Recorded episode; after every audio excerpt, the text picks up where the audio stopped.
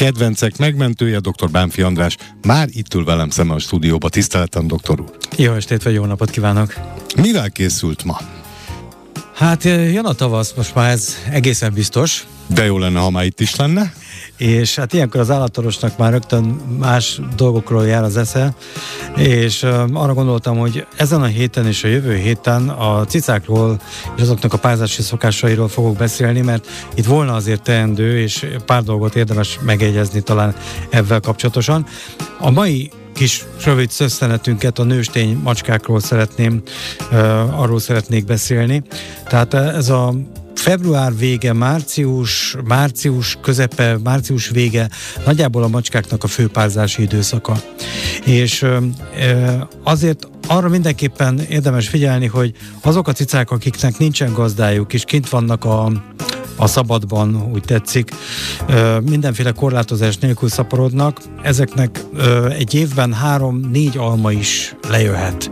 Hogyha van egy aktív kandúr, már pedig mindenhol vannak aktív kandúrok a, a környezetünkben, és ezek a gazdátlan cicák, ezek nagyon rossz sorsúak szoktak lenni általában.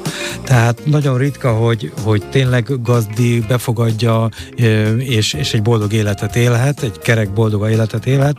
A legtöbbje azért hát általában valamilyen hiránybetegség, vagy fertőzőbetegség, vagy baleset, vagy éppenséggel erőszak áldozatává válik. Ismert egy olyan betegség az állatorvosi irodalomban, hogy kukamacska szindróma. Kicsit furcsán, furcsán néz ez ki, vagy furcsán hangzik. Én is furcsán de, nézek, de figyelj. Ez egy, ez egy ismert, ismert korkép, és arra utal, hogy azok a cicák, akik rossz sorsúak, és egészen pici pár hetes korban, vagy uram, bocsánat, pár napos korban már kirakják őket a kukába, vagy a szemétdombra, vagy hát szóval uh, ilyen, ilyen helyekre, és ott valaki megtalálja, és jó, jó indulattal megpróbál fölnevelni mondjuk tehéntejjel. Ezek ezek a cicák nagyon gyenge csontozattal, rossz csontrendszerrel, rossz izületi állapottal, esetleg idegrendszeri korképekkel, bőr és szőr problémákkal, és hát immunhiányosan nőnek föl. Általában ezek nem is nagyon élnek túl, de ha túl élnek, akkor is ezekkel, ezekkel egy életen át küzdenek, ezekkel a különböző megbetegedésekkel.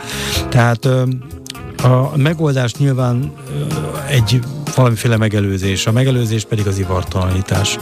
Tehát nagyon sok állatvédő szervezet igen tisztességesen dolgozik azon, hogy befogja, csapdázza ezeket a cicákat, ivartanítatja állatorvossal, és majd visszahelyezik a, a környezetébe, azok már nem fognak szaporodni. Tehát ahol jól érzi magát, ahol megszokta a környezetét, ahol etetik esetleg, ott azon a környéken ő el fog élni, de legalább szaporodni nem fog.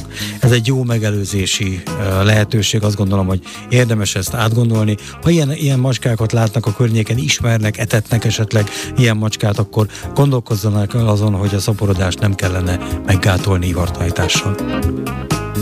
Köszönöm szépen, ez volt tehát már a, kedvencek megmentője, vagyis személyesen dr. Bánfi András, aki tehát akkor a jövő héten bárok vissza, és akkor folytatjuk a cicák párzásával kapcsolatos diskurzust. Köszönöm, doktor.